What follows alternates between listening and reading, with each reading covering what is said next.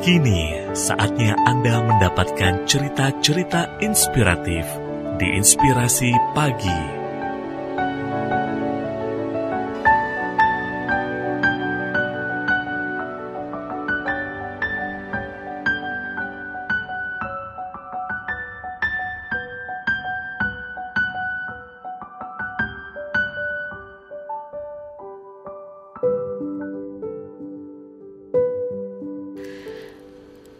Mengapa harus membenci? Pada suatu hari dengan bersungut-sungut, Adi bercerita kepada ayahnya. Ayah, temanku sungguh keterlaluan. Dia mempermalukan aku di depan teman-teman. Aku sungguh marah dan benci. Temanku itu benar-benar menjengkelkan. Setelah mengetahui cerita lengkapnya, sang ayah menasehati. Sudahlah, Di. Ajak temanmu itu bicara baik-baik agar tidak terjadi salah paham lagi. Jangan membenci, tapi cobalah mengerti dan memaafkan dia. Tidak bisa dong ya, dia begitu jahat. Kenakan dia kalau aku lantas memaafkan dia. Dengan sengit Adi menyanggah nasihat ayahnya. Ya sudah, sekarang tidur deh. Besok ada yang harus kita kerjakan. Pagi hari ayah sudah menyiapkan sekantong penuh batu. Adi, anggap batu-batu ini sebagai temanmu. Pusatkan kebencianmu pada kepalan tanganmu. Tinju sekeras dan sebanyak mungkin kantong batu itu. Adi pun bersiap-siap. Akan tetapi hanya tiga kali pukulan, dia merasa kesakitan. Aduh, sakit. Teriak Adi sambil mengusap dan meniup kepalan tangannya yang mulai memar dan lecet. Kalau kantung berisi batu-batu ini sama dengan teman yang kamu benci, apa dia merasa sakit seperti kamu sekarang? Ya enggak lah, Jawab Adi dengan cepat. Sama yang terjadi padamu. Kebencianmu hanya menyakiti hatimu sendiri.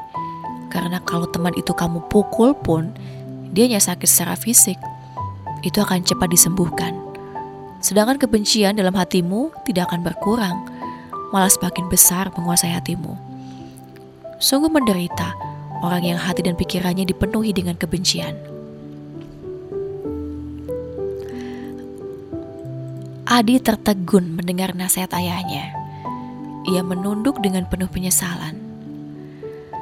Adi berjanji mulai saat itu jika hendak membenci seseorang karena sebuah perbuatan, ia akan memilih untuk membicarakan baik-baik agar persoalan bisa selesai dengan baik.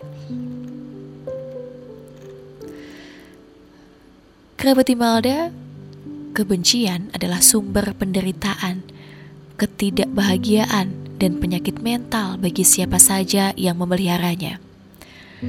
Sebab banyak hal yang justru makin tidak mengenakan kita jika membiarkan rasa benci itu berlarut-larut. Susah tidur, makan tak enak, emosi yang terus meluap, membuat segalanya jadi terasa tak nyaman. Sungguh sebuah sikap yang justru akan merugikan kita sendiri. Saat kita membenci, sesungguhnya orang yang kita benci tidak merasakan apa pun. Tetapi kebencian itu telah mampu menggerogoti kebahagiaan dan kedamaian kita. Memang bisa jadi orang tersebut merasa jika kita membencinya. Namun apakah itu akan membuat segalanya lebih mudah? Malahan kebencian yang bertumpuk bisa jadi akan membawa bencana Coba tengok berita kriminal yang belakangan ini sering kita baca. Hampir semua berawal dari rasa benci dan dendam.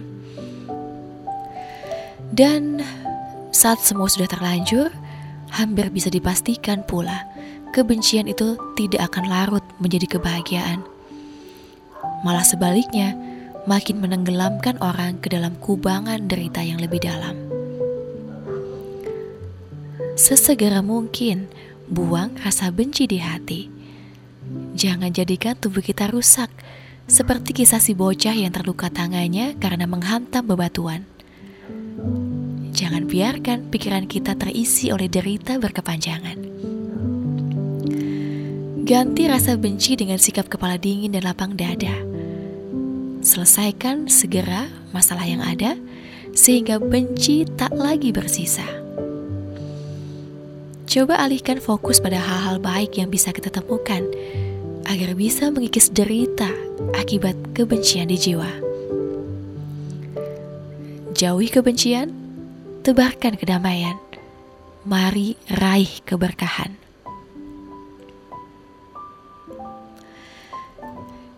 Cerita ini ditulis oleh Andri Wongso, bersumber dari andriwongso.com. Untuk inspirasi pagi, Imal FM.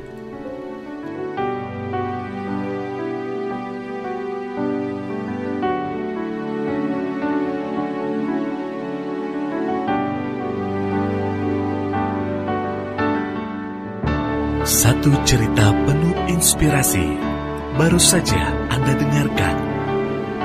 Dapatkan cerita yang lain melalui podcast Inspirasi Pagi Email DFM yang tersedia di Spotify.